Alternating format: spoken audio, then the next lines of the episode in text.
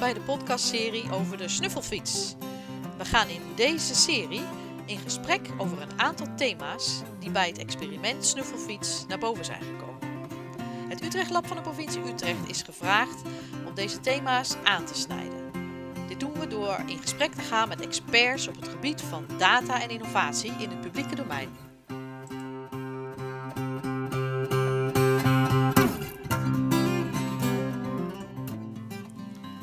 In deze aflevering gaan we in gesprek met Yvonne Jansen-Dings. We gaan het hebben over data en citizen science en waarom deze ontwikkeling zo belangrijk is voor een gezonde democratie.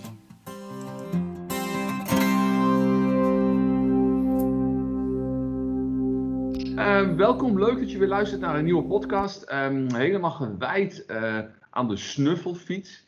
En uh, vandaag hebben we Yvonne. Yvonne, um, ja, wat we altijd doen. Yvonne, Yvonne hoe? Ja, dat, ik zat ook heel driftig te kijken naar de volledige namen. Ik, jij, jij betrapt mij daar weer in. Yvonne Jansen Dings. Die hebben we in de uitzending. Uh, en wat we altijd onze gasten even vragen, want uh, mensen vallen hier natuurlijk zo in. Uh, hoi, wie ben je, wat doe je en waarom? Ja, hoi. Ik ben dus Yvonne Jansen-Dings, inderdaad. Um, ik uh, werk momenteel bij de provincie Zuid-Holland aan het onderwerp ethiek en digitalisering. En dat doe ik vanuit de afdeling bestuur daar. Um, dat doe ik omdat ik daarvoor eigenlijk elf jaar bij een kennisinstituut, Innovatielab, heb gewerkt. Waag, waag.org, met een harde G op het einde, niet een zachte. Um, ja, dat is dan mijn makker. Ik kom uit Limburg, dus dan uh, is het wat lastiger en de telefoon ook altijd heel ingewikkeld. Um, en uh, bij Waag uh, staat voorop dat, we, uh, dat ik daar eigenlijk altijd geprobeerd heb te kijken hoe de relatie van gewone mensen tot technologie is.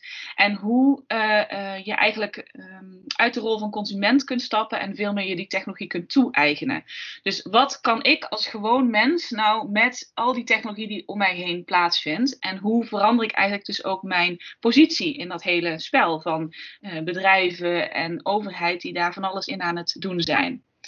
Uh, ja, en uh, dat was heel leuk. Um, ik ben daar ook, uh, dat is ook echt mijn drijfveer en mijn passie um, om daarmee bezig te zijn. Ik ben ook iemand die bijvoorbeeld zich heel bewust is van privacy aspecten. ik gebruik zelf een, een privacyvriendelijke browser, Brave.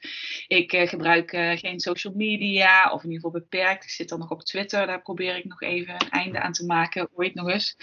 Um, maar ja, ik probeer wel ik ben wel bewust bezig met de hoeveelheid data die ik genereer. En vooral ook die bijvoorbeeld die over mijn kinderen wordt gegenereerd.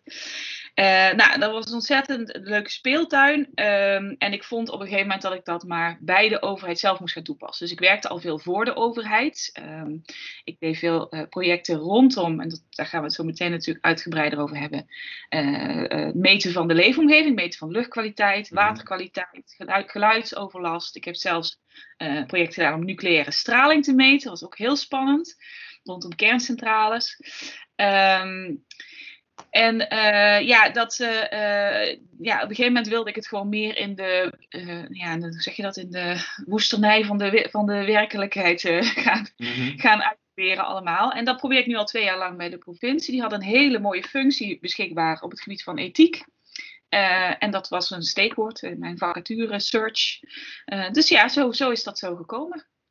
Nou, dankjewel. Nou, we weten ook meteen, het is de meest uitgebreide waarom ever. Dus we zijn helemaal bijgepraat en ik, ben, ik heb heel veel haakjes en volgens mij Muriel ook inderdaad, waar we veel meer over willen weten. Dus ik vraag me nu al op het gesprek. Maar voor de luisteraars, we hebben nog iemand en dat is Muriel Allard. Muriel, ook aan jou de vraag, hoi, wie ben je, wat doe je en waarom doe je dit? Hoi, nou, ik ben nog steeds Mariel en ik werk uh, nog steeds bij de provincie Utrecht.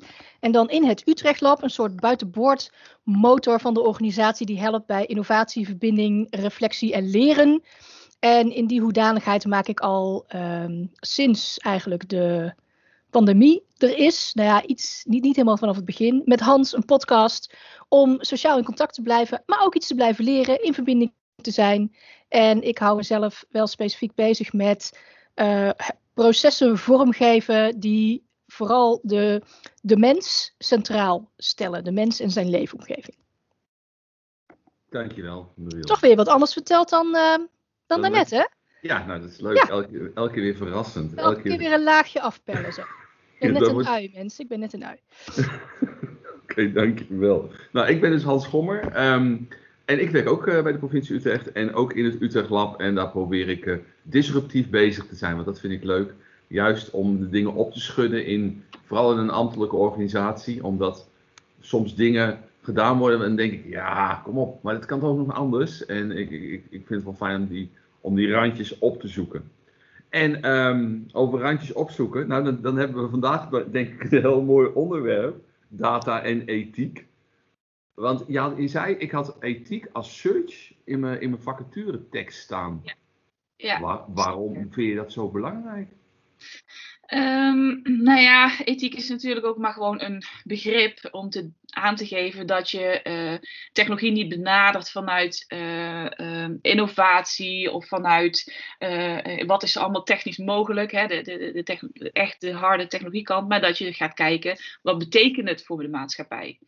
Ehm, en het was wel al een begrip wat ik zag dat in opkomst was bij overheden. Dus eh, maar nog niet echt, er ontstonden nog niet echt functies op. Ehm, maar ik deed het altijd wel in de search, want ja, je weet het maar nooit. Eh, ehm, en ik, ja, ik was wel naar een hele specifieke functie op zoek. Ehm, ik wilde niet zomaar, zullen we zeggen, in de IT-pool terechtkomen. Hmm. Ik wilde wel echt op zoek gaan naar eh, de eh, morele vraagstukken die technologie oproept bij overheden. Want ja, eigenlijk al jarenlang blijkt dat daar genoeg van zijn. Oh, ik- ja, sorry. Er kwam zo'n dingetje door mijn oor dat ik een mailtje kreeg over, over data gesproken. Dat... Ja, dat, dat kun je natuurlijk niet eh, zien als luisteraar, dit soort dingen. Eh, wij hebben natuurlijk nu wel even beeld, Ja. maar eh, straks is dit gewoon alleen maar audio. Ik heb wel een vraag aan je, Yvonne, over ehm, het volgende. Je bent bewust de overstap gaan maken om ehm, natuurlijk nog steeds te blijven nadenken, hè, want het woord ethiek is niet voor niks een centraal belangrijk woord voor jou. Eh, maar je wilde ook vooral dingen meer gaan doen samen met de mensen waar het om gaat. Eh, in projecten à la Snuffelfiets, waarom we natuurlijk deze podcastserie maken. Zou je misschien eens kunnen vertellen wat voor eh, projecten die lijken op Snuffelfiets, waar jij bij betrokken bent en wat je daarin tegenkomt op het gebied van ethiek en data en digitalisering? Ja. Ehm, eh, nou ja, binnen de eh, provincie, eh, dat werd mij eigenlijk ook al gezegd toen ik solliciteerde. Hè, ja, je hebt het over de burger, maar ja, de burger is eigenlijk niet zo onze doelgroep. Ik chargeer een beetje. Ehm, maar daar ben ik het volkomen niet mee eens. Uiteindelijk al het eh, beleid wat wordt ontwikkeld heeft effect op gewoon mensen en bedrijven. En bedrijven worden weer gerund door mensen. Dus, excuses. Dus ehm, ehm, ik kon eigenlijk voor mijn gevoel ook bij, in, binnen een provinciale context heel goed met dit onderwerp aan de slag. Ehm, ik denk dat in een provinciale context je ook ziet dat eh, de technologische impact ehm, van eh, de keuzes die gemaakt worden eh, vaak een, op een wat meer lange termijn impact hebben op gewone mensen. Dus niet zo direct. Maar eigenlijk wordt het daar ook wel weer heel interessant. Dus het is niet een, zoals een belastingdienst die eh, jou wel of niet een toeslag eh, ehm, geeft of ontneemt. Eh, maar het is veel meer van hoeveel voorrang krijg ik op een provinciale weg? En heb ik daar dan op een langere termijn misschien wel een bepaald nadeel of voordeel van? Ehm, een hele leuke vraag die ik zelf interessant vind vanuit de dienstverlening gekeken, waar, waar, ik, eigenlijk, waar ik veel mensen mee verras met dit perspectief altijd, is oké, wij gaan dus, ehm, we doen een hele mooie proef met het rijden, eh, het voorrang verlenen aan vrachtverkeer in het Westland. Ehm, als vrachtverkeer zich in een soort van kolonnevorm schakelt aan elkaar technisch, dan, eh, eh, dan krijgen ze een groene golf. Wat natuurlijk een bepaald economisch voordeel oplevert voor de bedrijven die daarin mee kunnen doen. En hoe zit het dan met de bedrijven die daar niet in mee kunnen doen? Ehm, Want even hè, voor ons beeld, Yvonne, dat vereist technologie in de vrachtwagen Ja, die afstemt op Ja, eh, ehm, nou ja, wat wij als normale mensen stoplichten noemen. Ja, Ja, er zijn allerlei verkeerslichten vervangen de afgelopen jaren door slimme verkeerslichten. Die kunnen communiceren met de verkeerscentrale. Uh, nou, dat zijn niet alleen mensen die daar uh, het licht op groen en rood schakelen. Dat gebruikt veel, gebeurt veel al door systemen, geautomatiseerd. Um, dus die systemen kunnen uh, reageren op input zoals, nou, als er tien vrachtwagens achter elkaar rijden, dan een, een specifieke snelheid, dan mag je die voorrang verlenen. Um, nou, dat soort uh, experimenten kun je gaan doen. Uh, uh, als ik in een zaal vraag wie moet er voorrang hebben, begrafenisstoet, vrachtverkeer, ambulances, um, gewone automobilisten, weet ik veel, dan staat eigenlijk de vrachtauto altijd achteraan. Maar vanuit provinciale doelen gezien is de vrachtwagen, vrachtverkeer wel heel interessant. Omdat, zeker ook in de termen van CO2-besparing, ja, kun je daar echt wat bereiken. En, het afremmen en opstarten van een vrachtwagen verbruikt gewoon heel veel diesel. Dus je kunt daar zowel economisch als um, milieutechnisch voordelen behalen. Dus het is een uh, interessant experiment, ook omdat wij veel werken met uh, professionele partijen vanuit de provincie. Maar ja, je ziet dus dat daar ook wel degelijk vraagstukken ontstaan. En uh, het, het belangrijke vraagstuk daar is. Wel, welke technologie hou je nou in handen en welk deel, laat je nou door de markt ontwikkelen? Um, eigenlijk de technologie die bepaalt uh, hoe mensen, hoe partijen, hoe vrachtauto's zich kunnen schakelen. Dat is eigenlijk net een stukje technologie dat wil je eigenlijk in handen houden. Want daarmee bepaal je wat eigenlijk die voorrangs, uh, voorrangsrichtlijnen zijn. Um, als je dat door de markt laat bepalen, dan, uh, ja, dan kan een groot vrachtautobedrijf die met heel veel vrachtauto's in de vloot heel makkelijk kolonnes vormen. En kleinere partijen zijn eigenlijk dan altijd in nadeel. Dus uh, op deze manier doordenken over implicaties van technologische beslissingen. Welk deel ontwikkel ik uh, vanuit de markt? Welk deel hou ik zelf in handen? Nou, dat, daar zitten echt interessante vraagstukken.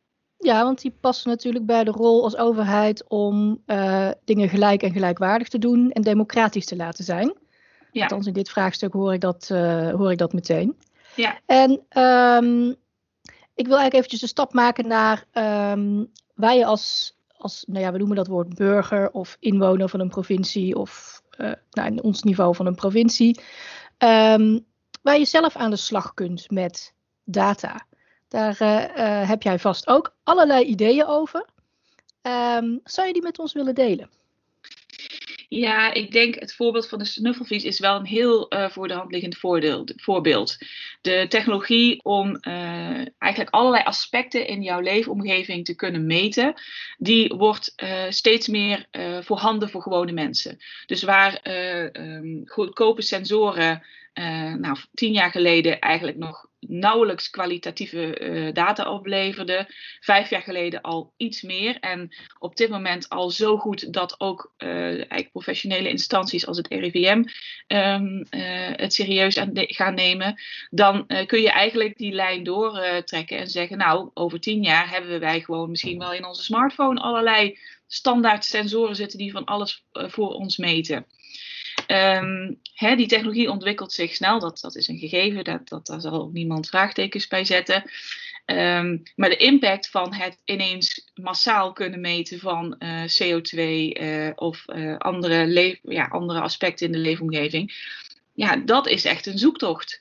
Uh, wat als uh, die, uh, al die uh, sensoren in die smartphones in één keer een veel completer beeld geven dan die hoogwaardige meetinstallaties van het RIVM? hoe gaan wij daar mee om in onze beleidsvorming? Daar zit wel een heel, heel interessant vraagstuk. Ja, ik weet niet of ik al jouw vraag beantwoord. deels, deels. Um, maar ik, ik, ik, ik, voel hier ook weer aanknopingspunten, dus we gaan gewoon lekker door en dan komen er vanzelf weer dingen naar boven. Um, ja, ik ben, ik ben op zoek naar um, wat kan je als burger nou zelf doen met data? En hoe verhoud je je dan tot een overheid? Want je wil deelnemen aan maatschappelijke en politieke gesprek om je eigen leefomgeving aantrekkelijk te maken of aantrekkelijk te houden. He, dat is vooral in Nederland, waar er geen vrije ruimte is. Daar hadden we het in de vorige podcast met Rob ook over. Echt heel erg van belang. En um, nou, jij weet misschien wat meer over ervaringen Die er zitten uh, in communities van mensen die hier actief mee zijn. En er zijn misschien ook een heleboel mensen die hier wel actief in willen worden, maar daar de eerste stap in willen zetten. Ja. Um, nou, zou je je ervaring daar wat uh, met ons willen delen? Ja, ik zie eigenlijk uh, een soort van drie um, interessante trends uh, waar we als overheden naar zouden moeten kijken. Eén is citizen science. Hè. Ik denk dat we daar ook meer over zullen hebben zo meteen. Maar het, het, zelf meten van die leefomgeving en het uh, ontstaan van kwalitatief hoogwaardige data door burgers zelf, dat is een, een, een interessante trend. Um, het andere is op het participatievlak. Dus uh, participatie is iets wat nog uh, heel erg wordt geassocieerd met het organiseren van zaaltjes. Er gebeuren gelukkig steeds meer experiment, experimenten om ook uh, met digitale kanalen participatie te organiseren. Maar ik denk dat wij een meer datagedreven participatiehouding van burgers kunnen verwachten. Burgers ja. die zelf in staat zijn data te combineren, te analyseren. Uh, de, de, de tools daarvoor die zijn uh, online vol, uh, ja, voluit voorhanden. Um, dus dat het niet meer alleen maar is, ik kom naar een, een zaaltje en ik geef mijn mening, maar ik doe een hele analyse. ik, ga zelf, ik voer zelf onderzoek uit. Um, de, de, de, dat is een, een, een, een nieuwe vorm van participatie waar we nog mee om moeten leren gaan, denk ik. Waar de, de, de zaaltjes, maar ook de, de participatie, online participatie uh, tools die we hebben, nog weinig in voorzien. Uh, en dan kom ik eigenlijk bij het derde punt, want je ziet dat op het moment dat er contra-expertise ontstaat, dat noem ik het even, en daarmee ja, bedoel dus, ik... Dus bijvoorbeeld alternatieve metingen ja. naast uh, het RIVM door burgers zelf? Ja, precies. Ja. Uh, uh, kijk naar uh, vliegveld bij Lelystad. Um, burgers die gewoon zelf in staat zijn um, hoogwaardige analyses, hoogwaardige plannen te ontwikkelen.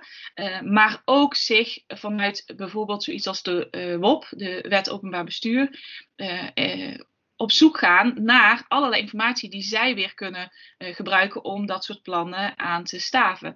Ik vind een hele interessante ontwikkeling is dat uh, Follow the Money een, een soort van georganiseerd WOP-verzoek heeft gedaan rondom alle documenten die de, op alle overheidslagen rondom Shell.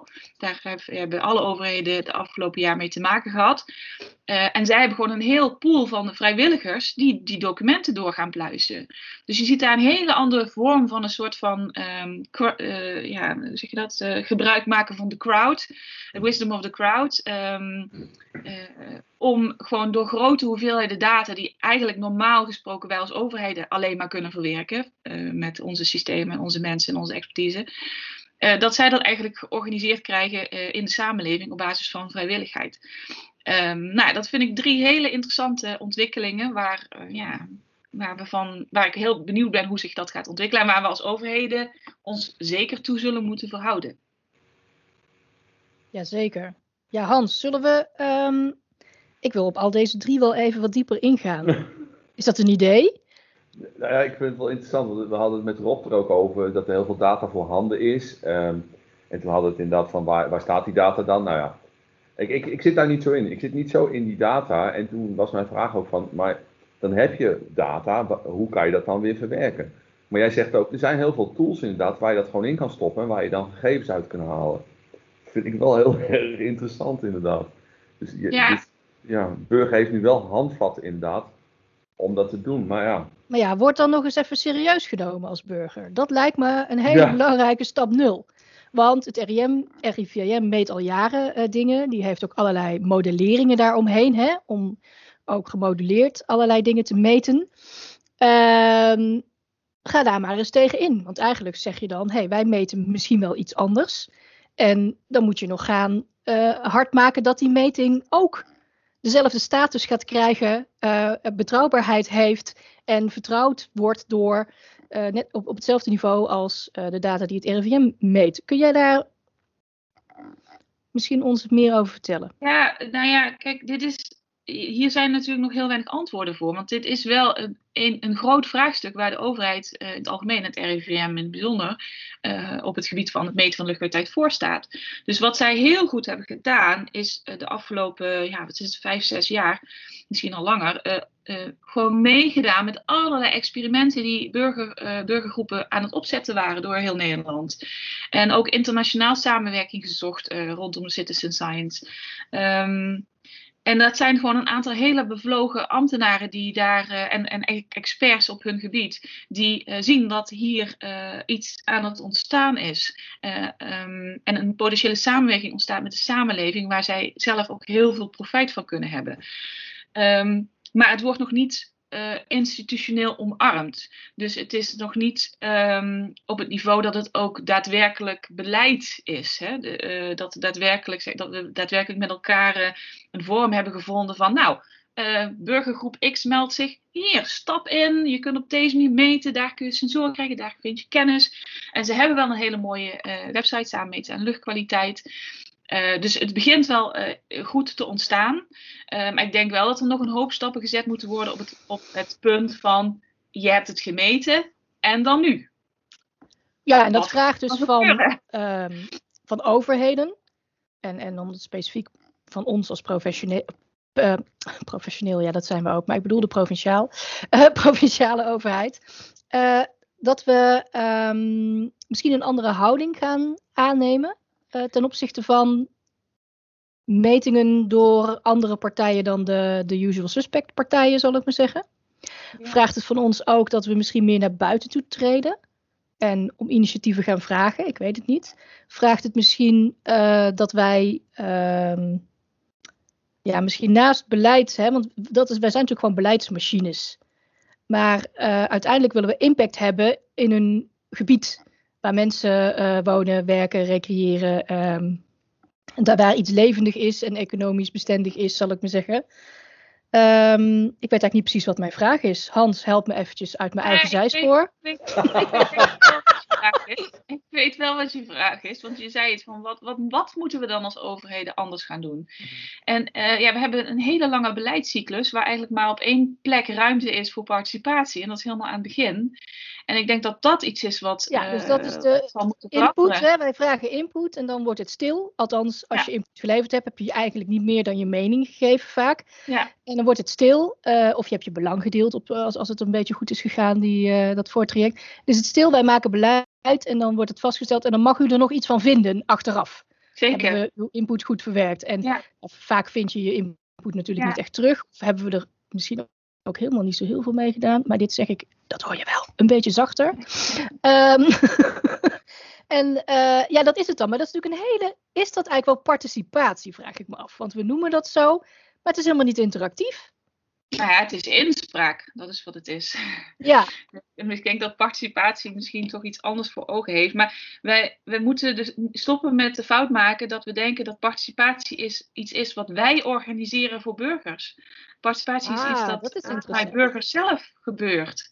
En uh, ja, daar, wij zullen nieuwe vormen moeten vinden als overheid om dat, uh, daar, ons daartoe te verhouden en dat mee te nemen in onze beleidsontwikkeling. Inspraak organiseer je, participatie gebeurt. Ik vind dit uh, heel interessant, Yvonne, wat je nu zegt. participatie niet iets is wat wij als overheden moeten organiseren. Ik ga het gewoon nog een keer herhalen, omdat ik het zo interessant vind. Maar dat het iets is dat uh, bij, de, bij de burgers zelf eigenlijk gebeurt. En die daarmee bij ons aankloppen. En daarmee iets van een overheid vragen. Ja. Haha. Ja. ja, maar dat is de actieve burger. Ik vind het ook wel interessant om het ook aan te geven als overheid. Van dit, dit zou je ook kunnen doen. Dus ook mens, mensen erop attenderen als, als, als, als provincie, toch? Als overheid. Ja, nou, ik denk naarmate de. Uh nu zit het, dit, bijvoorbeeld als we even in de luchtkwaliteit blijven. Hè, het meten van luchtkwaliteit is gewoon nog best wel een niche activiteit. Uh, je moet toch uh, gewoon maar zin hebben om zo'n sensor zelf in elkaar te klussen. Uh, dus dat vereist al enige affiniteit met, met technologie. En, en ja, je moet het een beetje als een hobby zien. Of een enorme motivatie op het uh, milieuthema. Daar zie je ook uh, dat mensen dan die, de hobbel van de technologie overgaan. Omdat ze zo gemotiveerd zijn om, om gewoon te bewijzen dat het in hun straat of hun wijk veel slechter is dan het RIVM zegt bijvoorbeeld. Mm-hmm. Um, uh, ja, dus ik ben even je vraag vergeten wat je nou zei. Nou, nou hoe zit het nou met personen die, die van zichzelf niet zo actief zijn. Dus die die innerlijke drive voor Mhm. milieu of iets anders niet hebben. Maar die gewoon lekker in hun tuin het fijn willen hebben, naar het winkelcentrum willen kunnen hobbelen. En die eigenlijk er allemaal niet zo bewust mee bezig zijn. Maar die wel een hele grote stem hebben en eh, een grote groep in onze samenleving zijn. Zeker. Ja, ja, ik ben, laat ik vooropstellen, ik ben geen participatie-expert. Hè. Ik werk, eh, je- ja, ik werk eigenlijk met die, eh, de voorhoedegroep altijd. Eh, dus de mensen die willen, die een intrinsieke motivatie hebben, eh, die hun vrije tijd daaraan willen opofferen.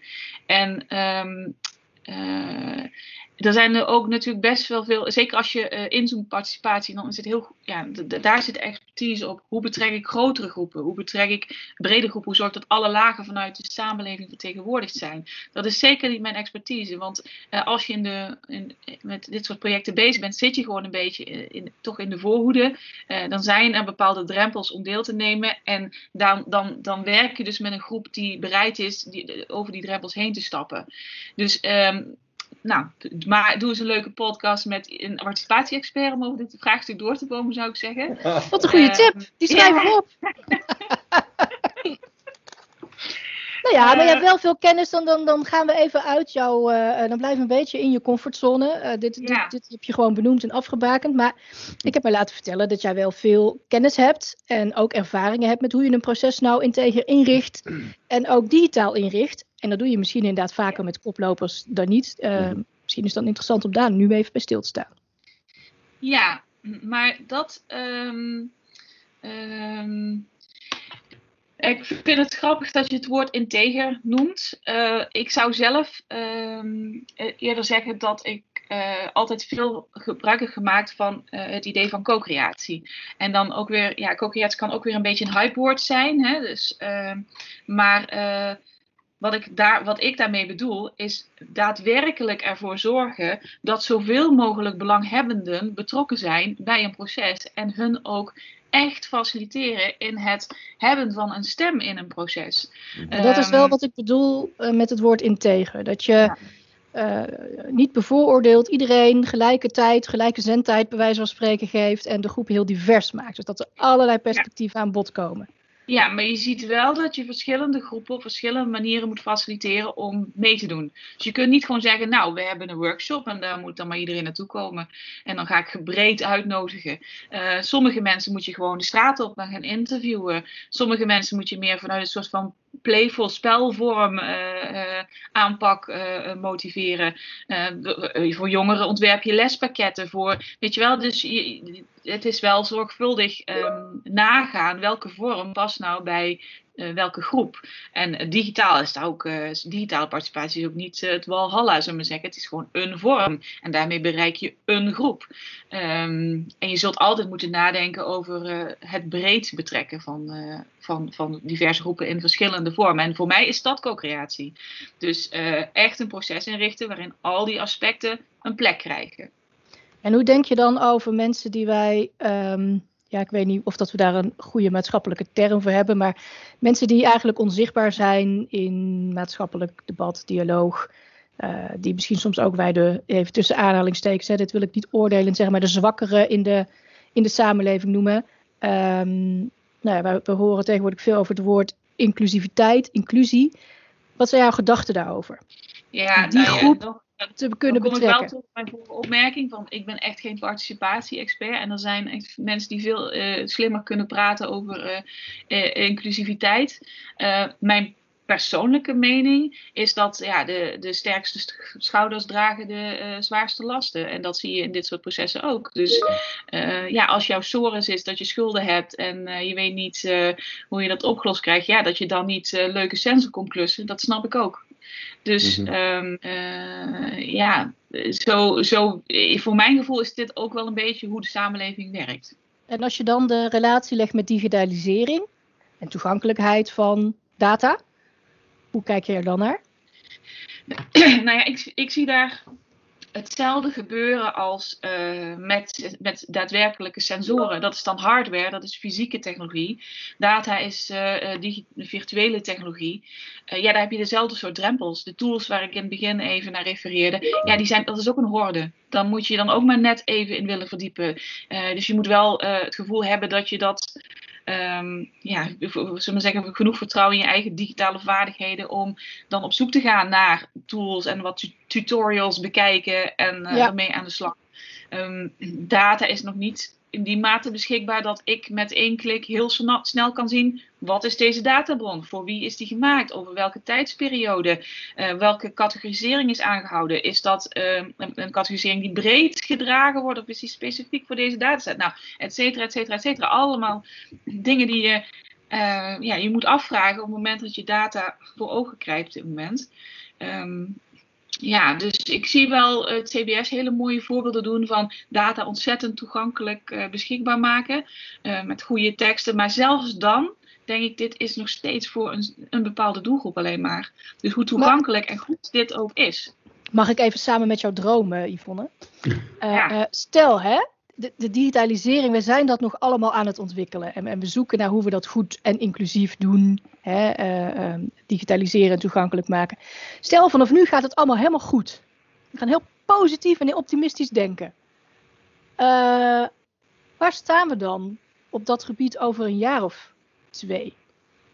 Twee maar. Twee jaar maar vooruitkijken. Nou ja, ik kan ook wel tien zeggen, maar dat vind ik zelf zo moeilijk. Ik bedoel, ik vind het voor mijn eigen leven al lastig om te bepalen waar ik over twee jaar sta. En tien is helemaal... Ik vind, tien, uh... ik vind tien toch makkelijker dan twee. Want Pakken we tien! Nou twee jaar, Jij bent de gast! maar ik werk nu twee jaar bij de provincie. En ja, wat is er nou veranderd in twee jaar? Hm. Uh, dus ja, je hebt een heel goed realiteitsbesef. Ja, dat heb ik dan misschien wat minder. Val ik meteen door de mand hier zeg, wat jammer. Ik doe de vraag even opnieuw, beste luisteraars. Yvonne gaat ons nu meenemen in haar droombeeld. Waar we, als het allemaal zich heel positief ontwikkelt, waar we over tien jaar zouden kunnen staan. Ja, dan ga ik toch even een beetje uitzoomen. Um, want dan gaat het voor mij niet zozeer over welke sensoren zijn er nou beschikbaar en uh, hoe ziet de participatie er nou uit. Maar uh, ik denk dat um, om even een nieuw perspectief in deze podcast te gooien, uh, dat er heel veel moet gebeuren op het gebied van wetgeving en regulering. Dus um, dat die sensor die zo meteen in je smartphone zit, uh, niet automatisch zijn data doorsluist naar Google, zodat Google de, uh, de wereldwijde autoriteit op het gebied van luchtkwaliteit wordt, maar dat wij gewoon waar wij wonen, nog steeds eigenaar zijn over de data, over onze eigen omgeving die wij genereren met de smartphone die wij in handen hebben. Um, ja, dat uh, als alles helemaal ideaal zou lopen zoals het loopt, dan zou um, dat, dat zou een hele belangrijke stap zijn. Want op het moment dat je eigenaar bent van die data, kun je dus ook daarmee aan de slag. En dan kun je het ook jezelf eigen maken. En dan kunnen er tools ontstaan, uh, applicaties ontstaan, uh, werkwijzen ontstaan. Die passen bij een, bij een gemeenschap, die passen bij de behoeften van specifieke groepen in de samenleving. En niet allemaal die eenheidsworst die Google voor ja, hun wereldwijde visie op hoe wij over luchtkwaliteit zouden moeten denken. Um, ja, dus ik denk dus het is dat een beetje het gevoel bekruipt mij van een soort power to the people, maar dan misschien data to the people. Ja, ja, ja. ja. Zeker. Uh, het eigenaarschap, daar begint een hoop mee. Want als jij niet eigenaar bent van uh, de technologie uh, waarmee je werkt, dan wordt het heel moeilijk om vervolgens daar mee aan de slag te gaan. Dan ben je iedere keer overgeleverd aan de voorwaarden die grote bedrijven stellen aan het gebruik van. En ja, dit luchtkwaliteit voor, voorbeeld zou dan extra schrijnend zijn, want straks komen de situatie dat RIVM data moet gaan kopen van Google. nou, dan heb je helemaal een soort van afhankelijkheidsrelatie die je niet zou willen. Um, dus ja, de, op dat vlak moet er echt nog een hele hoop gebeuren. Uh, en er gebeuren ook goede stappen. Um, dus ja, dan, uh, dan zie je dat Europa eigenlijk een hele sterk, zich aan het ontwikkelen is als een sterke soort van tegenstem of een tegenkracht uh, tegen de monopolies die op technologisch vlak zijn ontstaan. Um, ja, en als je dan uh, uh, kijkt van waar staan we dan als gewone burgers over tien jaar, hè, dus wat heb ik daar dan aan? Ja, dan, dan weet ik hopelijk gewoon van dag tot dag hoe het ervoor staat met de ontwikkeling van de leefomgeving in mijn eigen gebied. Dan snap ik hoe het beleid van de provincie, de gemeente en het Rijk invloed hebben op een positieve manier op, de, eh, op die leefomgeving. Dus ik kan zien dat de maatregelen die zij nemen, dat dat echt bepaalde effecten heeft ehm, op het leven voor mij van alle dag. Of de gebieden waar ik mij bevind, de natuurgebieden, mijn eigen straat, ehm, de school waar mijn kind is. Ehm, dus ik kan dat echt veel meer real-time van dag tot dag uh, zien hoe dat zich ontwikkelt. En ik snap daardoor ook veel beter wanneer het belangrijk is dat ik mij als burger op bepaalde manier daarmee bemoei. Dus dat, bepaalde, dat, dat ik mij ga organiseren om iets voor elkaar te krijgen. Het wordt tastbaar, het wordt visueel, het wordt beleefbaar. En daardoor krijg je meer engagement. Nou ja, of misschien gewoon simpel activisme of een, of een actievere rol. Heerlijk, doe mij maar een fast forward nou over jouw ja, droombeeld van over tien jaar. Nou, ja, hoor. Ja. Mag, mag, mag ik... Mag ik oh, daar hebben we Hans weer hoor. Ja, nee, ik, want ik, ik hoor heel veel dingen. En, ik, ik, en ik, ik probeer allemaal koppelingetjes, maar wat ik hoorde jou in het begin zeggen, ik, ik, ik ga heel erg um, bewust met mijn eigen data om. Hè? Wat, voor een, wat voor een digitaal spoor laat ik achter? En natuurlijk hadden we, een, uh, als je het over privacy hebt, over gegevens, we zaten natuurlijk in het jaar nul. Hè? Nu met de nieuwe AVG heb ik het gevoel dat het weer de hele andere kant op slaat. Want nu mag je weer helemaal niets. Google die doet natuurlijk dingen met onze data. Ik denk maar even de mobiele telefoon. Dus als ik ergens naartoe ga, zie ik, oh, daar is het druk. Dus ik hoef geen TomTom te kopen bijvoorbeeld. Nou oké, okay, is gratis. En tot hoever moet je dingen dicht gaan timmeren en in hoeverre zet je dingen open? Ik vind het wel lastig hoor. Nou ja, ik wil daar wel even meteen uh, uh, op inspelen op deze uh, regulering, wetgeving op dit vlak gaat niet over het openen of dichtmaken van bepaalde dingen. het zijn juist de grote bedrijven die eigenlijk alles dicht hebben gezet. Wij kunnen daadwerkelijk niks met de data die zij van ons wegnemen. En um, uh, heel simpel gezegd, ja, ik, ik, ik, zeg altijd twee voorbeelden. Eén is, ik zie mezelf als een soort van vroege vegetariër. Uh, toen was er ook alleen maar uh, tofu in een groot grijs blok in de supermarkt, zo wiebelend in het water te krijgen. En dan moet je wel heel erg overtuigd zijn van het belang uh, om dat te gaan eten. Nou ja, ik, ik ben dan een soort van data-vegetariër, dus ik probeer, ik doe best wel veel moeite om het, mijn datastromen in te perken. Maar ik zie dat dat gewoon niet realistisch is voor uh, de massa en ook zeker niet de, de manier waarop uh, het, het ja, gebruikbaar is voor en, en gewoon gebruik, ja, makkelijk voor gewone mensen. En het andere voorbeeld is ja, regulering. Regulering. Ik bedoel, de voedselindustrie is een van de meest gereguleerde uh, industrieën van de wereld. Uh, het is maar goed dat ik niet een kip koop en dan vervolgens 15 testjes thuis hoef te doen om te kijken of er toxine in zit. Maar dat dat allemaal is afgedekt. Dat dat al gedaan is. Ja. ja dat dat, en dat zou met data ook moeten gebeuren. Absoluut. En daardoor ontstaat vrijheid. Daardoor ontstaat vrijheid.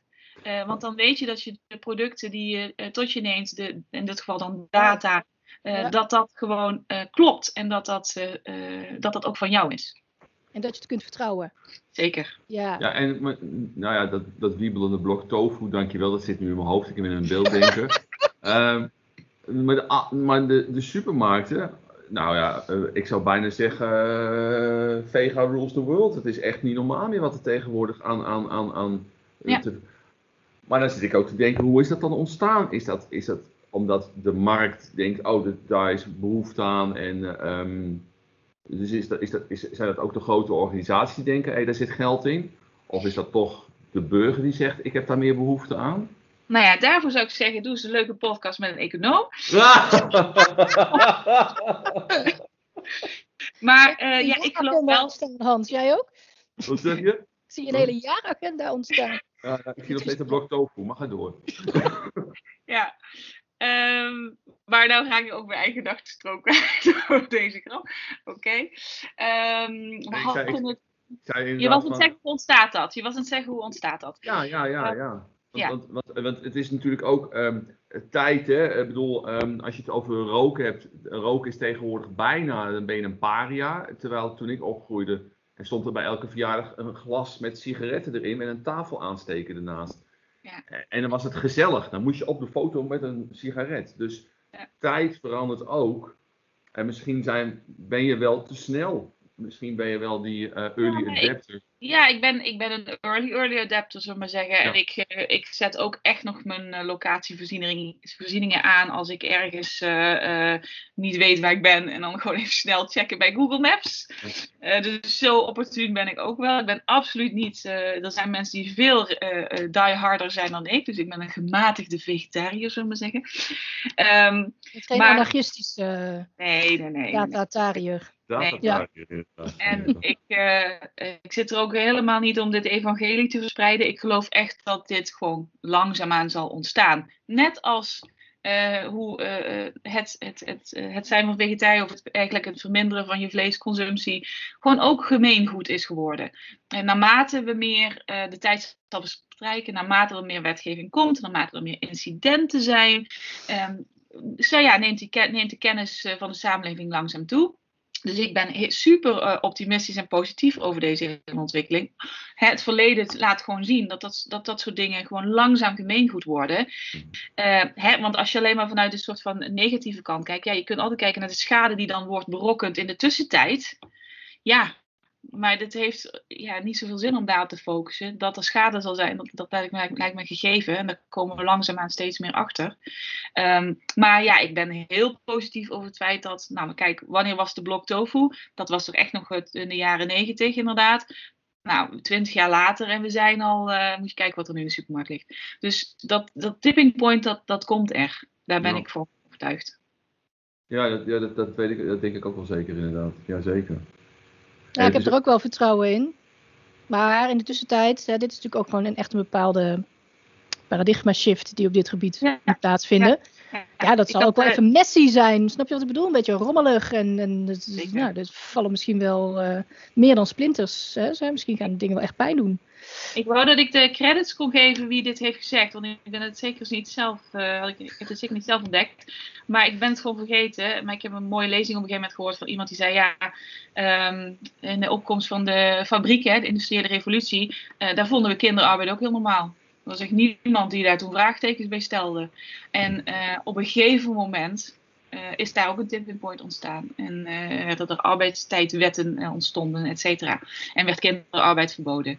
Dus um, ja, dat is, ik vind dit echt een enorme parallel met waar we nu staan. Dus de, uh, de grote uh, de bedrijven, hè, de Googles, de Ubers, de Airbnb's, de Bookings, de Amazons, uh, de Tesla's, die, die zijn allemaal zo groot omdat wij gewoon geen paal en perk stellen aan wat zij van ons mogen hebben en ons mogen ontnemen. En omdat we daar de waarde nog niet van inzien. Net zoals in der tijd. Dus, nou, ik dat zie, ja ik zie dat, ik zie dat inderdaad over die kinderarbeid. Ik, ik zie dan ook mensen dan, nee, we gaan het afschaffen. Nee, nee, want het is een traditie, denk ik dan. Uh, zou, dat, zou, dat, toen ook geroepen zijn? Nee, het is een traditie, dat moeten we vasthouden. Het is echt, hou, hou, ja, als je terugkijkt naar dingen, denk je, hoe kan dat inderdaad? Dus ik ben ja, maar dat kunnen wij alleen maar denken omdat we terugkijken. Als je in het moment zit, is dat veel moeilijker. Ja, dat klopt. Dus maar dat ik weet zeker, als ik terugkijk op uh, waar wij nu over praten, en ik luister deze podcast, want die blijft natuurlijk digitaal tot in de eeuwigheid bewaard, oh, over twintig jaar nog eens. Oh nee! Uh, ja, dan denk ik daar ook van alles van, zal ik maar zeggen. Dat wij hier toen nog niet wisten hoe dat eruit ging zien. Ja, oh, waanzin, dat... dat is toch logisch? Dat vind ik wel een goede. Muriel. Even een vraag aan jou. Sorry, Yvonne. Wat zou je tegen. We zijn tien jaar verder. Wat zou je tegen jezelf willen zeggen over tien jaar? Daar kom ik in een volgende podcast op. Oké, okay, dat is goed. Dan gaan we namelijk een podcast maken met een futuroloog. ja, ik vind het wel interessant. Want het is, het is een soort reflecteren, maar dan in de toekomst. Hebben we daar al een woord voor? Dat is, dat is wel spannend wat we hier aan het doen zijn, Hans. Maar goed. Cutting edge. Ik hoop dat jullie deze terzijdes leuk vinden, mensen. Luisteren. Zo niet, laat het ons weten. Dan uh, sturen we waarschijnlijk helemaal niet bij, want dit is gewoon hoe wij zijn. Dus dan moet je gewoon stoppen met luisteren. Oh. zullen, we, zullen we weer teruggaan naar de snuffelfiets? Want dat was eigenlijk wel de aanleiding. Hè? Dus uh, wat, kunnen we nog meer voor dingen uh, over de snuffelfiets? Um, waar kunnen we het nog meer over Ja, leren of, of inderdaad... Uh, Wat brengt het ons? Ja. Ja. Ja, maar ik bedoel... Uh, um, ik denk dat er vast ook wel hele goede inzichten in andere podcasts zijn ontstaan. Uh, um, kijk, je moet dit soort experimenten doen. Dat is, staat gewoon buiten kijf wat mij betreft. Dus uh, door het te doen ontdekken we eigenlijk overal waar het momenteel schuurt, waar het niet klopt. Dat we eigenlijk, uh, de, waar zit nou data-eigenaarschap? Kunnen we eigenlijk wel wat, kunnen we die data überhaupt wel visualiseren? Hoe verhoudt zich die data dan tot die van de RIVM? Gaan die RIVM-medewerkers uh, dan dat überhaupt wel serieus nemen? Gaan de provincie-medewerkers het serieus nemen? Um, gaan we allemaal mooie analyses maken, maar vervolgens wordt de beleidsnotitie op geen enkele geen aangepast. Uh, wat vindt een gedeputeerde ervan? Wat, wat vindt een wethouder ervan? Uh, um, gaat de media het oppikken? Ja, het zijn allemaal systemen die. Um, uh, daar moeten we mee experimenteren. En ik heb hele mooie voorbeelden gezien waar dingen in één keer explosief gaan. Zo uh, ja, in Antwerpen, hè, daar, daar, is, daar zijn grote luchtkwaliteitsmeetprojecten gedaan met uh. Nou, dat was natuurlijk een heel knuffelbare, ehm, knuffelbare aanpak. Je zette zo'n plantje in je, in je, in je raam. een maand later knipte je de blaadjes af. Die stuurde je per envelop op naar de universiteit. Die deed grootschalige analyses en uh, maakte er mooie kaarten van. Nou, dat werd in, in, de standaard gepubliceerd. Dat hebben ze een aantal jaar gedaan. Ik weet eigenlijk niet of ze op dit moment nog doen. Uh, ja, en dan uh, daar moest politiek, dus het werd daar ook een heel politiek issue. Nou ja, dan zie je in één keer allerlei systemen verschuiven. Ehm, en mensen zich op een andere manier tot het onderwerp verhouden. De positie van de burgermeting die dan in één keer veel sterker wordt. Ja, en dit uh, kan iedereen doen. Plantje ja, in de vensterbank zetten. Precies, maar het is, het, is, het is de combinatie. Het is het schuiven van allerlei actoren in dat speelveld. Hm. Waardoor het dan uh, succesvol is en niet alleen maar een niche-experiment blijft. Um, ik ben nou echt, dit is heel erg, want ik heb jarenlang intensief met ze samengewerkt, maar ik ben gewoon vergeten uit welk land ze kwamen. Ik wil, ik wil zeggen Roemenië. Maar dat, uh, fact, dat komt nog op de website. Uh, dan fact We houden nu een slag om de arm. Voorlopig is het Roemenië, tot blijkt dat het ja. toch Albanië is. Ja, ja. daar uh, zijn, is eigenlijk een, een, een studentenproject geweest. grote werkeloosheid onder jongeren. een club die zich zei van, nou kom, we gaan gewoon een paar van die meetapparaten aanschaffen. Best wel goede kwaliteit meetapparaten. En kom gewoon dan, neem een, een shift, een dienst. Kom gewoon rondlopen en op verschillende plekken meten. Dat is massaal gedaan in het begin nog niet zo uh, heel erg. Ze hadden uh, 5000 metingen of zo over de dus individuele losse meetmomenten. Um, maar dat ging eigenlijk gepaard met politieke onrust op dat moment in dat land, waardoor er uh, ja, eigenlijk een heel fenomeen ontstond dat een heleboel jongeren zich gingen aansluiten, dat er veel meer werd gemeten en op nationaal niveau er wetgeving is veranderd uh, over luchtkwaliteit. Het is Polen, nu weet ik het weer. Ja, en uh, ik, uh, ja, dus, uh, daar zijn hele interessante artikelen over geschreven. als je wil, ehm, ik heb aan een Europees project jarenlang met ze samengewerkt. Dat heet making-sense.eu. Daar kun je alle documentatie terugvinden. En deze, dit verhaal is daar heel mooi uitgeschreven hoe dat is gegaan. Um, nou, is, was de luchtkwaliteit daar echt erbarmelijk ook. Uh, dus um, er moest ook wel wat gebeuren. Maar ja, zo zie je dat meetprojecten wel degelijk uh, onder de juiste omstandigheden, met het verschuiven van de juiste actoren uh, en de juiste inzet van de juiste mensen op het juiste moment, een hele hoop kunnen bereiken. Hebben we nog even een vraag over die inzet van die mensen? Want het is dus eigenlijk allemaal vrijwillig door, nou ja, in dit geval studenten zelf. Uh, die hebben dan meetapparatuur voor medemensen beschikbaar gesteld. Hoe, hoe, hoe financier je dat? Of hoe, uh, ja. is, is, is dat, want dat is natuurlijk ook nog wel een obstakel. En net zoals bij de aardbeienactie. Ik weet niet um, in wat voor uh, samenstelling die actie is georganiseerd. Maar alles laten analyseren door een lab duizenden plantjes. Dat uh, loopt ook in de papieren. We, weet je daar meer van? En, ja, tuurlijk. Dat, dat wordt veel al vanuit subsidies gefinancierd. Dus zeker ook mhm. Europa uh, financiert veel uh, kennisinstellingen om dit soort projecten uit te voeren. Ze hebben veel subsidielijnen op het onderwerp citizen science. Ja. Um, ja, en dan, uh, dan als, uh, een, als zo'n Universiteit Antwerpen zo'n mooie subsidie binnenhaalt en daadwerkelijk gaat inzetten om meetgegevens van burgers te analyseren in plaats van een, ja, een, een, postdoc aanstellen of uh, een researcher gewoon te financieren met dat geld. Het is maar net wie gaat nou geld op welk moment waarvoor beschikbaar stellen en gaat dat dan ook um, ja, eigenlijk in Polen zie je dat, dat dat die club die dat eh, doet, daar zit wel een hoop activisme. Dus dat is ook een heleboel uh, gewoon vrije, vrije tijd die daarin gaat. En um, persoonlijke motivatie van mensen. om een veel grotere groep in staat te stellen op een veel laagdrempeligere manier deel te nemen. Dus um, ja, ik denk dat je ziet dat zowel subsidies ehm, enorm kunnen helpen, als wel ja, toch vrijwillige inzet van mensen op een bepaald moment. Dus het is een combinatie. En, en subsidies zijn vaak nog gebonden aan allerlei voorwaarden, uh, verordeningsregels. Ja. Uh, stuur je daarmee onbewust misschien te veel op dit soort dingen? En, en, en is dit een goede geldstroom om dit te blijven doen? Hè? Want we willen uiteindelijk van experiment naar mainstream. Of, of moeten we dat op een andere manier, moeten we dat ook opnieuw uitvinden als overheid?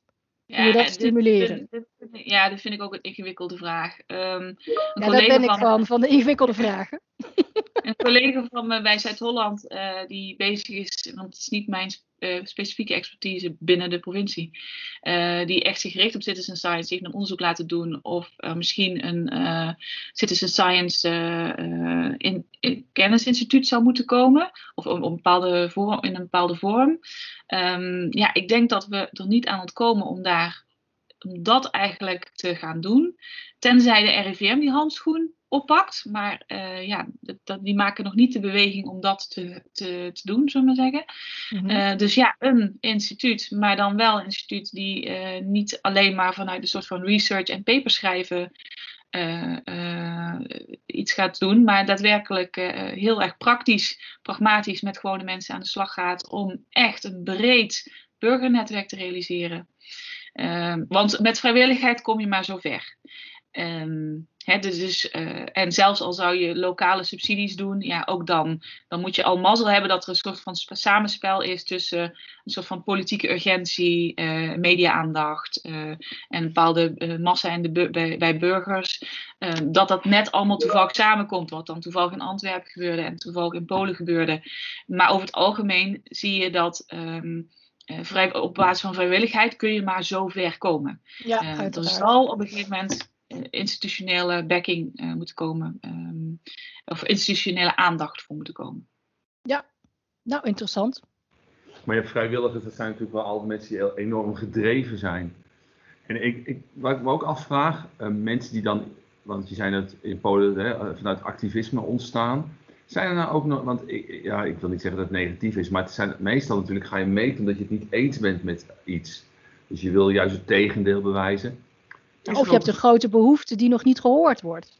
ja, dat, ja, ja. negatief uh, als ja. vertrekpunt te zijn. Snap je ja, ja, ja, ja, maar ja, ik ben wel op zoek. Is, is, zijn ook, ja. Maar meestal doe je iets omdat het niet vanzelf voor jou wordt geregeld. Ja, dus daar misschien staat het negatieve ding dat ik er aanhang inderdaad. Maar het is wel dat laat, laat ik zo zeggen, je hoort de nee-stemmers hoor je heel vaak, de nee-zeggers. Maar de ja-zeggers hoor je niet, nooit. Dus ik zit daar een beetje... Dat vind ik goed opgemerkt, Hand. Ja. ja. Maar dat is natuurlijk. Ja, uh, maar ja. ik zou er inderdaad voor waken om te zeggen van, nou, ik denk dat het hier niet klopt. Dat, om dat als een soort van negatief, negatief te bestempelen. Mm Het is volgens mij juist hoe de democratie werkt. Namelijk, uh, er is beleid, er is wetgeving, er wordt uitgevoerd. En ik denk dat niet klopt. Dus ik kan mijn stem laten daarin laten horen. Um, uh, en wat je eigenlijk ziet, is op het moment dat je zo'n co-creatietraject goed inricht dat dan die, uh, de, want je hebt altijd ja, de, de, de mensen die, zullen we zeggen, nou, de, ja, de, hoe, er wordt bij de overheid ook al de professionele burger genoemd, hè? dus die dan eigenlijk zijn baan maakt om gewoon alles te traineren wat de overheid probeert te doen. Maar dat is zo'n kleine groep meerderheid van de mensen die met dit soort projecten meedoen, hebben gewoon oprecht een soort van andere motivatie. Dus mhm. eh, iemand omdat ze astma hebben, of iemand omdat hun kinderen een school langs de snelweg. Of hè, er zitten altijd een soort hele persoonlijke verhalen achter.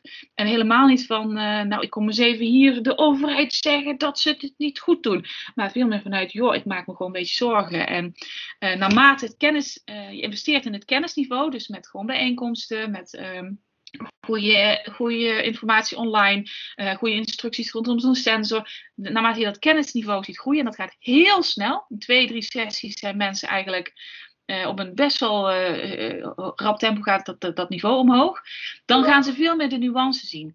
oh wacht, maar ehm, eh, hier is het slechter omdat daar dat en dat is. Of uh, hier is het alleen slecht om tien uur s ochtends, omdat er dan, weet ik veel, geladen en lost wordt door diverse vrachtauto's tegelijkertijd. Of ze beginnen veel meer de, je ziet eigenlijk veel sneller hoe, hoe het hele speelveld in elkaar steekt, waardoor je uit je soort van ik wil minder last krijgen van mijn astma. Uh, verhaal stapt naar, hey, hoe zit het hier eigenlijk in de buurt? En, uh, hoe kunnen we een oplossing vinden voor dit specifieke probleem, zou ik maar zeggen? Ja, ja. ja.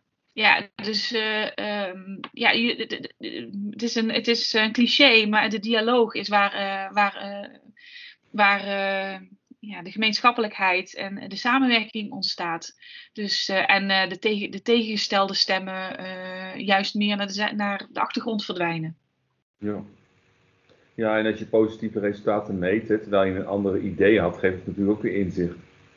Ik denk, nou, ik, het lijkt me een hele slechte plek, maar als, als je dan positieve resultaten krijgt, dat je denkt, oh wacht eventjes.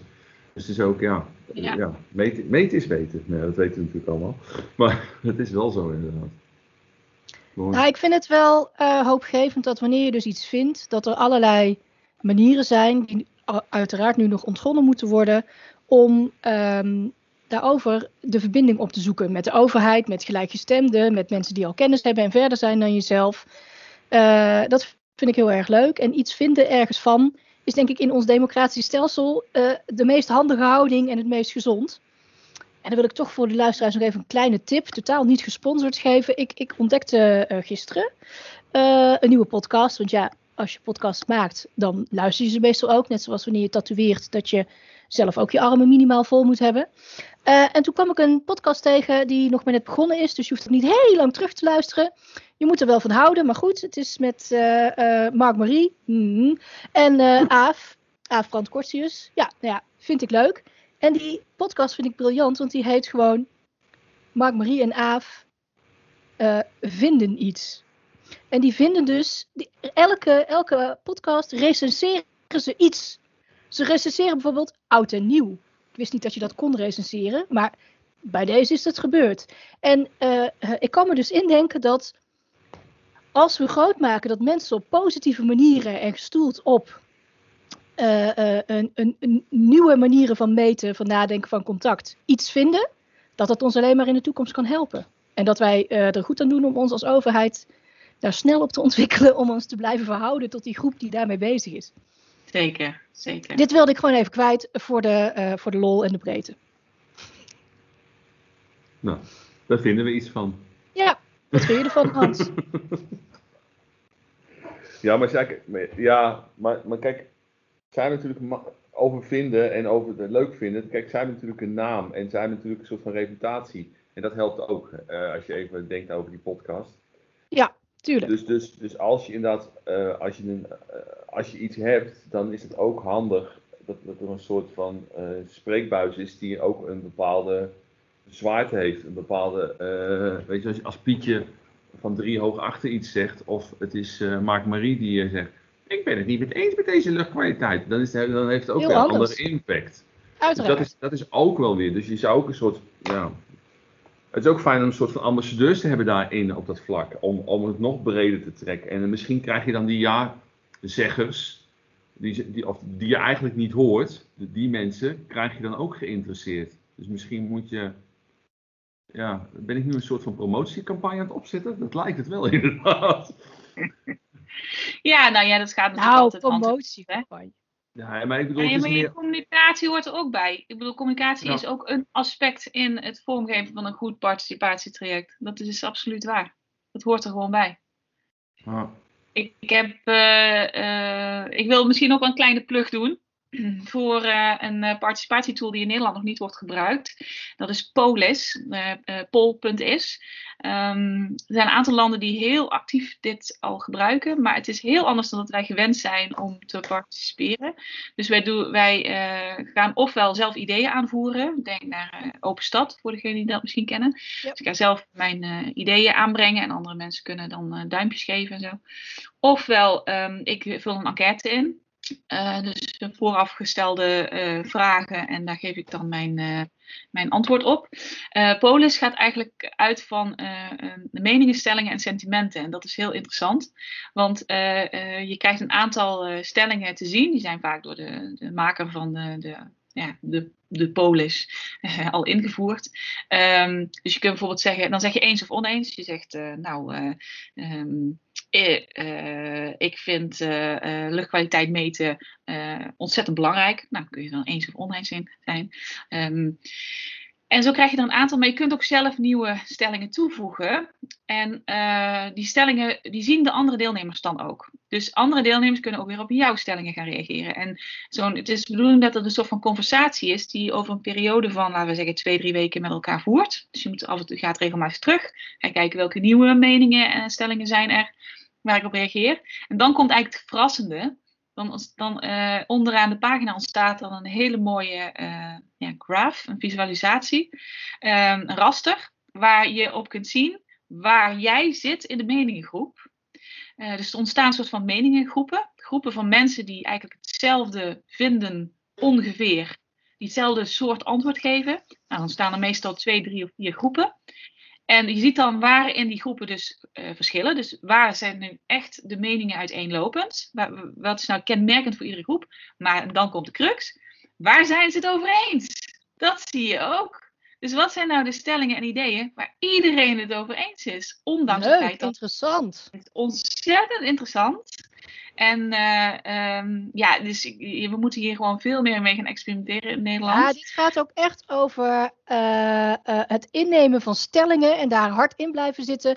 Tot afdalen naar dat innerlijke niveau van, van waar het over waarden gaat, zal ik maar zeggen. En daar vind je elkaar weer. Wat enorm tof dit. Ja, oh, je helemaal aan, mensen. Ja, maar, dat, maar dat, dat, bestaat, dat bestaat toch al een tijdje? Want daar zit ik ook al heel lang op. Dat heet Facebook. Nee. Sorry. Ja, nee. Hallo. Moet ik je serieus op reageren? Nee, nee, nee, nee, nee, nee, maar dat is natuurlijk wel. Nee, ja, maar ze zeggen wel eens: Facebook weet meer van mij dan mijn vriendin. Nee, maar dat, het, zijn echt, het zijn nou juist twee uitersten. Facebook doet alles om te polariseren. Die is totaal niet op zoek naar consensus. Die doet de meest opruiing. Het algoritme is afgestemd op, op opruiing. Wat zijn de meest extreme dingen die mensen posten? En die laten we lekker zien. Ja. Terwijl het gaat volledig over consensus. Dit is echt waar zijn we het over eens, mensen? We nee, nee, dat, dat, snap ik ook wel. Maar het is natuurlijk wel van. Uh, Facebook zet het natuurlijk op een hele andere manier in. Maar die is ook op zo'n manier natuurlijk bezig van hoe hou ik. Nou, dat is meer inderdaad, hoe hou ik de mensen vast en inderdaad wat uh, de, de, de, de fabeltjesfuik, wat hij heel mooi heeft laten zien. Uh, nee, ik vind het natuurlijk ook veel mooier, maar het is wel zo. Hoe zet je, een, een, hoe zet je iets in? En dan is dat, dat de negatieve kant inderdaad. De like maar dit wat wij nu doen, even duiden van het verschil tussen uh, een Facebook en dit poll is, polis, ik weet niet hoe ik het moet noemen. Ja, ja dat is, vind ik zelf al heel waardevol, zal ik maar zeggen. En ja. um, nou, ik kan me indenken dat we uh, uh, ook als overheid, zal ik maar zeggen, daarin een rol hebben om dat duidingswerk te doen. Zeker, zeker. Ja, maar ik denk wel dat we ook zullen zien dat het de begrip van mensen over uh, de manier waarop bijvoorbeeld een Facebook werkt en sociale media werken, dat dat wel steeds, dat neemt steeds meer toe. Dus ehm, ik zou niet zeggen dat wij als overheid nou massaal moeten gaan uitdragen van mensen, Facebook doet dit dus of zo. Dat, dat, mhm. dat zie ik helemaal niet zo zitten. Uh, daar kom, ga ik terug naar mijn reguleringsvraagstuk. Uh, uh, ik denk dat we op een hoger niveau gewoon betere afspraken met Facebook moeten maken over wat ze wel en niet mogen doen. En, um, nou, ik zeg ook niet zodat... meteen dat we die duiding voor, de, voor iedereen in de etalage moeten zetten. Maar ik denk dat we, ik bedoel, dat duiden moeten wij doen als overheid met onszelf. Eh, in dialoog, zal ik maar zeggen, hoe wij ons daartoe verhouden. En dat inderdaad laten landen in wat jij eerder noemde, wet en regelgeving. Ja, ja, ja, ja. Nee, ik wil zeker niet dat wij een soort uh, uh, um, uitlegservice worden of zo. Uh, en daarin stelling nemen. Dat past ons helemaal niet natuurlijk. Nee. Dus ik vind dat zelf uh, ook best wel complex aan mijn, uh, aan mijn baan. Want ik uh, kan hele mooie presentaties geven over alle manieren waarop data eigenlijk je leven inknot. Waar je echt zwaar depressief uitkomt. Ja, maar uiteindelijk heeft niemand daar wat aan. Want, maar jij kan waarschijnlijk ja, dan... ook de, de, de, omgekeerde presentatie geven. Dat ook, ja. Ja. Dus En dat Kom je die een keer geven bij ons in het Utrecht Lab? Dat, dat, dat, is bij deze afgesproken. Ja, echt, daar komen we op terug. Want dat lijkt me hartstikke tof, Yvonne. Dat was eigenlijk... En dan dat eigenlijk... ook open voor mensen van buiten. ja, um, ja, dan gaan we hier gewoon eens uh, en, en, en van jou leren en geïnspireerd worden en ook onze uh, gedachten aan laten zetten, zodat we daar nog gesprek over hebben met elkaar. Bij deze uh, spreken we dat af. Leuk. Cool. Heel goed. Dat was eigenlijk deze hele opzet voor om jou naar het Utrecht Lab te krijgen. Dat, alles hebben, die hele snuffelfiets hebben allemaal in, in stel gezet om jou, jou naar het Utrecht Lab te krijgen. Oh, heerlijk. Ik, ik, wil een beetje een afronding toe. Um, zijn er nog dingen die we willen zeggen? Zijn er nog dingen die we vergeten zijn? Um, moeten er nog podcast tips gedeeld worden? Uh, voor, mij zijn er heel, voor mij gaan mensen heel veel dingen nu opzoeken. Uh, Pol.is, uh, de podcast van Mark Marie. Nou, van alles nog. Making sense, making-sense.eu, of zit ze? Ja, dus, uh, ja, ik wil nog wel een laatste geven. Uh, Surveillance Capitalism is een ontzettend invloedrijk boek, wat de afgelopen jaar is uitgekomen. maar het is nog wel een pil. En uh, ik kan iedereen aanraden om gewoon een podcast te luisteren uh, waarin Shoshana Zuboff wordt geïnterviewd. Dan uh, ben je in een uurtje eigenlijk, of een half uurtje eigenlijk helemaal bij. en zij weet, nou even, even dat, terug naar dat punt van data en regulering. Zij weet weet daar echt fantastisch over te spreken. Ze heeft allerlei nieuwe termen en begrippen um, uh, geïntroduceerd die we de komende jaren denk ik veel meer gaan horen en die ons helpen om dat hele speel, speelveld te begrijpen. Dus die tip wil ik wel nog delen. Dus wil je nog één keer de titel van het boek delen? Want mensen hebben, we gaan drie weken in lockdown. We hebben tijd zat. Nee, nou, voor sommige mensen, voor sommige mensen. Sorry, het boek heet Surveillance Capitalism. En de schrijfster is Shoshana Zuboff. En eerst zou ik denken dat, uh, ja, Shoshana, Shoshana, ja, dat is zo'n naam, ik weet ook niet hoe je moet spellen. Dus dan moet je me Google je laten helpen. Google dan weer, dus Google is soms toch echt wel mijn vriend. Absoluut. Nou, bedankt. Ik, ja, dank je, dankjewel Yvonne. Dank ik, ik ben geïnspireerd om dit eens te gaan uh, luisteren, inderdaad, dit boek. Of de podcast met de schrijfster. Leuk. En uh, ja, nou, ook bedankt. Dank, dankjewel voor je input. En we hopen dat, dat, dat, dat we je snel weer live mogen zien in het Utrecht Lab. En uh, voor de mensen die luisteren denken, daar wil ik bij zijn. Nou, uh, mail ons niet. mail ons, zoek ons op. We zullen waarschijnlijk wel ergens te vinden zijn. En dan misschien kan je daarbij zijn. Dus nogmaals, dankjewel. En tot snel. Tot snel. Doeg, doeg. Dag.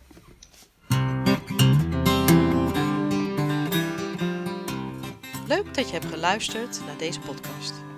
Deze podcast is gemaakt door het Utrecht Lab van de provincie Utrecht. Bij het Utrecht Lab maken we graag de verbinding tussen mensen en stimuleren we innovaties. We horen graag wat je ervan vindt. Mail je reactie naar utrechtlab.provincie-utrecht.nl. Graag tot de volgende keer.